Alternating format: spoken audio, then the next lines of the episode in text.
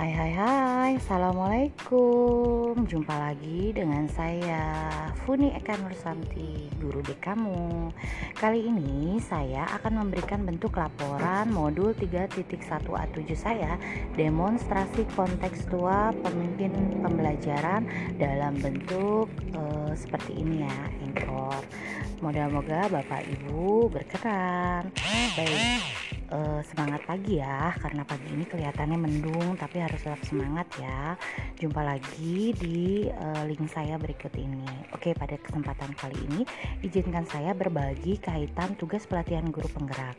Adapun tugas yang dapat saya bagikan yaitu demonstrasi kontekstual modul 3.1 pengambilan keputusan sebagai pemimpin pembelajaran Sebelum saya melanjutkan terkait dengan tugas ini, izinkan saya membagikan sedikit ringkasan modul 3.1 pengambilan keputusan sebagai pemimpin pembelajaran.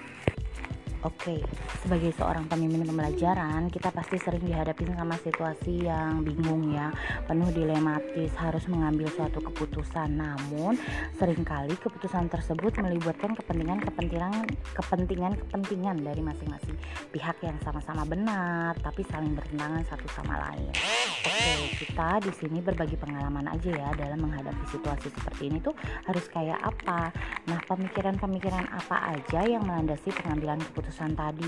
Jangan sampai akhirnya malah merugikan uh, orang lain ya. Kemudian setelah mengambil keputusan tersebut pernah nggak sih jadi ragu-ragu? Terus kita nanya ini ya ke diri kita sendiri apakah keputusan yang udah diambil itu tepat atau belum?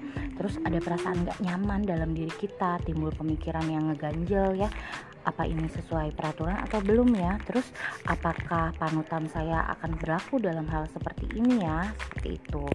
Baik dalam pengambil, pengambilan keputusan ada dua hal yang terjadi yaitu seperti yang kemarin sudah kita pelajari yaitu bujukan moral dan dilema etika. Nah apa aja sih pengertian dan perbedaan dari keduanya?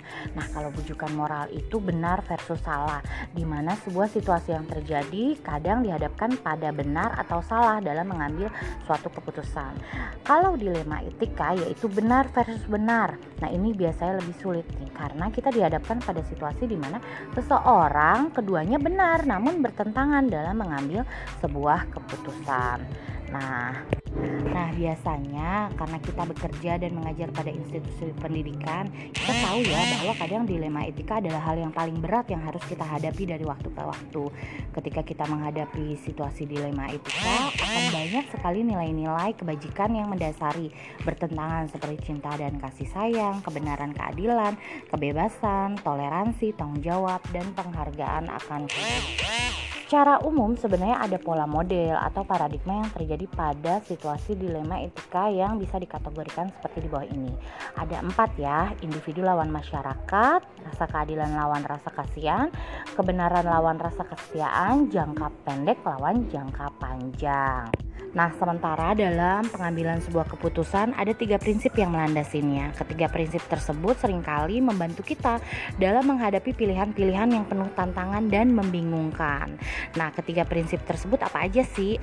Ada prinsip berpikir berbasis hasil akhir, ada prinsip berpikir berbasis peraturan, dan berpikir berbasis rasa peduli. Selain itu, untuk memudahkan kita mengambil keputusan dan pengujiannya, ada langkah-langkah yang sudah disusun untuk memandu kita dalam mengambil dan menguji keputusan dalam situasi dilema etika yang membingungkan. Eh, nah, satu yang pertama, kita kenali dulu bahwa ada nilai-nilai yang saling bertentangan dalam situasi ini. Situasi ini. Yang kedua, kita tentuin dulu nih siapa yang terlibat dalam situasi ini. Yang ketiga, kumpulkan fakta-fakta yang relevan dalam situasi ini. Kemudian diuji benar atau salah. Ada uji legal, regulasi, intuisi, halaman depan, koran, dan uji panutan atau idola. Kemudian dilanjutkan dengan pengujian paradigma benar lawan benar. Kemudian setelah itu kita lakukan prinsip resolusi opsi. Dilanjutkan dengan investigasi opsi trilema. Kalau sudah buat keputusan, kemudian yang terakhir lihat lagi keputusannya kemudian direfleksikan. Nah, dalam hal demonstrasi kontekstual ini ada panduan pertanyaannya ya. Pertanyaan yang pertama adalah bagaimana Anda nanti akan mentransfer dan menerapkan pengetahuan yang Anda dapatkan di program guru penggerak di sekolah atau lingkungan asal Anda. Saya akan menjawab belajar dari berbagi, maka saya akan memegang pegangan itu untuk kegiatan pengembangan kompetensi yang akan saya ikuti. Artinya, selain saya belajar untuk meningkatkan kemampuan kompetensi diri saya, saya juga akan berbagi kepada rekan-rekan guru yang di, seko uh, di sekolah saya juga rekan-rekan guru di seluruh Nusantara. Karena bagi saya berbagi ilmu karena bagi saya dengan berbagi maka ilmu yang akan kita miliki akan semakin berkembang dan bertambah. Selain itu, saya akan melakukan pengimbasan kepada teman-teman terdekat saya karena saya kebetulan guru bimbingan konseling. Saya akan melakukan pengimbasan kepada rekan sesama guru konseling di sekolah saya. Selain itu juga pengimbasan kepada guru-guru konseling melalui uh, apa uh, uh, program MGBK ya biasanya seperti itu. Kemudian pertanyaan selanjutnya. Apa langkah-langkah awal yang akan kamu lakukan untuk memulai mengambil keputusan berdasarkan pemimpin pembelajaran? Baik, sebagai seorang pemimpin pembelajaran di sekolah dalam rangka mewujudkan merdeka belajar dengan pembelajaran yang tentunya berpihak pada murid, saya pasti akan dihadapkan pada situasi dilema untuk mengambil sebuah keputusan yang terbaik dan menguntungkan sebuah pihak. Adapun langkah awal yang akan saya lakukan adalah pertama memastikan dulu bahwa dalam mengambil sebuah keputusan sudah sesuai dan sejalan dengan visi misi sekolah yang sudah kita susun atau belum. Kemudian yang kedua, melakukan analisa terhadap situasi atau kasus yang dialami, sudah disesuaikan dengan paradigma-paradigma pengambilan keputusan atau belum. Kemudian yang ketiga, memilih salah satu atau mungkin ketiganya dari tiga prinsip pengambilan keputusan yang sudah ada tadi. Yang keempat, melakukan 9 langkah pengambilan keputusan dan pengujian keputusan. Kemudian, pertanyaan yang ketiga, mulai kapan kamu akan menerapkan langkah-langkah tersebut? Hari ini, besok, minggu depan. Hari apa? Catat rencana kamu sehingga kamu tidak lupa. Saya akan mulai menerapkan langkah-langkah pengambilan keputusan tidak dapat dipastikan kapan karena yang namanya situasi pengambilan keputusan kita tidak dapat rencanakan.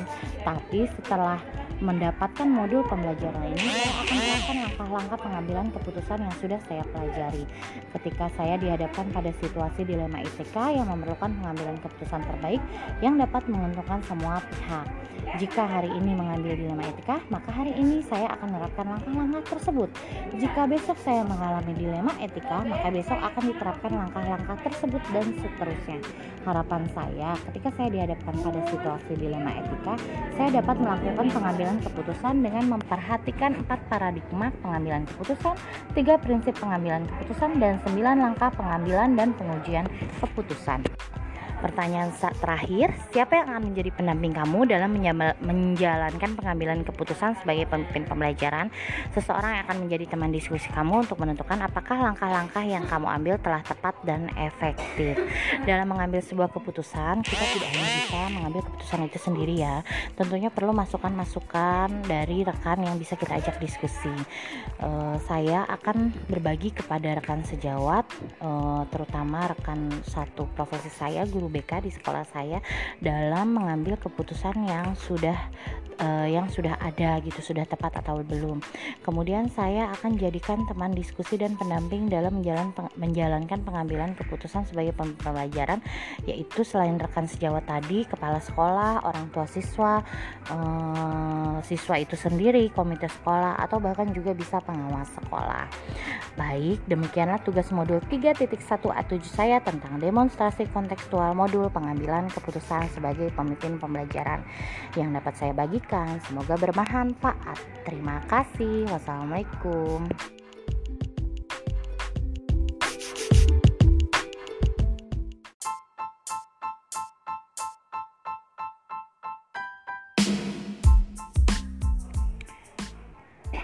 Hai, Assalamualaikum Jumpa lagi di channel Encore saya yang sederhana ini My name is Funi Baik, pada kesempatan kali ini izinkan saya berbagi tautan tugas pelatihan guru penggerak.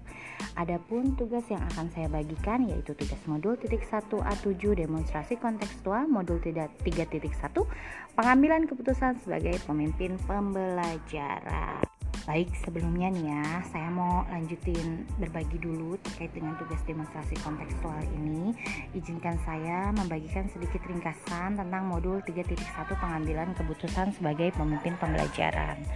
Oke, Bapak Ibu guru juga Bapak Ibu fasilitator di seluruh Nusantara, sebagai seorang pemimpin pembelajaran, kita pasti sering dihadapkan pada situasi dilematis di mana kita harus mengambil suatu keputusan.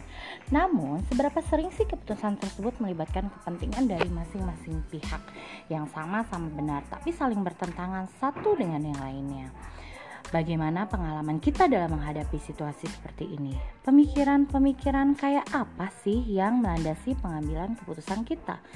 Kemudian setelah diambil keputusan tersebut, pernah nggak sih kita jadi ragu-ragu atau mau menanyakan ke diri kita sendiri, apakah keputusan yang kita ambil ini sudah tepat atau belum? Nah, apakah ada perasaan tidak nyaman setelah kita menentukan keputusan tadi? Timbul tidak pemikiran-pemikiran yang akhirnya bikin kita bertanya-tanya, ini sesuai peraturan gak ya? Terus gimana ya kata senior-senior saya kalau saya memutuskan seperti itu? Baik Bapak Ibu, dalam pengambilan keputusan ada dua hal yang terjadi, yaitu bujukan moral dan dilema etika. Nah, bedanya apa sih bujukan moral dan dilema etika tadi? Bujukan moral itu benar versus salah, yaitu situasi yang terjadi di mana suatu individu dihadapkan pada situasi benar atau salah dalam mengambil sebuah keputusan. Sementara dilema etika yaitu benar versus benar. Ini di, uh, situasi yang lebih sulit nih kalau menurut saya. Yaitu situasi yang terjadi di mana seseorang dihadapkan pada situasi keduanya itu benar, sama-sama benar, namun bertentangan dalam mengambil sebuah keputusan. Nah, dari pengalaman tadi nih, kita terus juga sehari-hari di lingkungan sekolah, di institusi pendidikan, kita tuh tahu bahwa banyak banget, sering banget kita mengalami dilema etika. Ada hal yang harus dihadapi dari waktu ke waktu. Ketika kita menghadapi dilema etika, akan ada nilai-nilai yang mendasari yang sepertinya bertentangan, kayak cinta kasih, kebenaran, keadilan, kebebasan, toleransi, ya kan? Kemudian penghargaan akan hidup secara umum ada pola model paradigma yang terjadi pada situasi dilema etika tersebut. Dikategorikan seperti di bawah ini yaitu satu berpikir berbasis hasil akhir atau end based thinking. Yang kedua berpikir berbasis peraturan rule based thinking. Yang ketiga yaitu berpikir berbasis rasa peduli atau care based thinking Nah, sebagai seorang pemimpin pembelajaran, kita harus memastikan apakah keputusan yang udah kita ambil itu tepat atau belum. Nah, untuk mengetahui bahwa pengambilan keputusan kita itu sudah tepat atau belum, ada langkah-langkah yang sudah ad, sudah disusun untuk memandu kita dalam mengambil dan menguji keputusan. Ada 9 langkah ya yang mengenali bahwa ada nilai yang saling bertentangan atau tidak. Kemudian yang kedua menentukan siapa yang terlibat dalam situasi ini. Yang ketiga kumpulkan fakta. Yang keempat pengujian benar atau salah. Yang kelima pengujian paradigma benar lawan benar. Yang keenam melakukan resolusi. Yang ke yang ketujuh, investigasi opsi trilama, delapan buat keputusan, sembilan lihat lagi keputusannya dan refleksikan. Nah, tadi saya sudah berbagi sedikit ringkasan dari modul 3.1. Nah, setelah ini untuk pemahaman terkait dengan materi modul ini, saya akan membagikan tugas demonstrasi kontekstual saya melalui panduan pertanyaan yang ada di LMS. Pertanyaan yang pertama, bagaimana nanti kamu akan mentransfer dan menerapkan pengetahuan yang kamu dapatkan di program guru penggerak ini di sekolah atau lingkungan asal kamu? Oke, berbagi itu suatu keharusan karena percuma ya kita punya ilmunya tapi kita nggak mau berbagi ya. Dalam hal ini saya akan berbagi pada kelas sejawat melalui obrolan-obrolan ringan. Tentunya juga di sela-sela rapat saya akan sisipkan uh, apa saja yang sudah saya dapat dalam modul penggerak ini. Selain itu kita juga dapat menginspirasi rekan-rekan yang lain untuk ikut melakukan apa yang kita lakukan dengan cara mentransfer, membagikan pengetahuan uh, yaitu dengan cara selain tadi rapat ngobrol-ngobrol ringan ya. Saya juga ingin mensosialisasikan materi program guru penggerak ini melalui video-video yang sudah saya upload di channel YouTube saya di channel blog saya seperti itu Kemudian pertanyaan yang kedua, apa langkah awal yang akan kamu lakukan untuk memulai mengambil keputusan berdasarkan pemimpin pembelajaran? Baik, Sebagai seorang pemimpin pembelajaran di sekolah dalam rangka mewujudkan merdeka belajar dengan pembelajaran yang tentunya berpihak pada siswa, saya akan dihadapkan pada banyak situasi dilema. Apalagi saya kebetulan guru BK ya. Banyak sekali situasi-situasi dilema yang pastinya setiap harinya akan saya temui.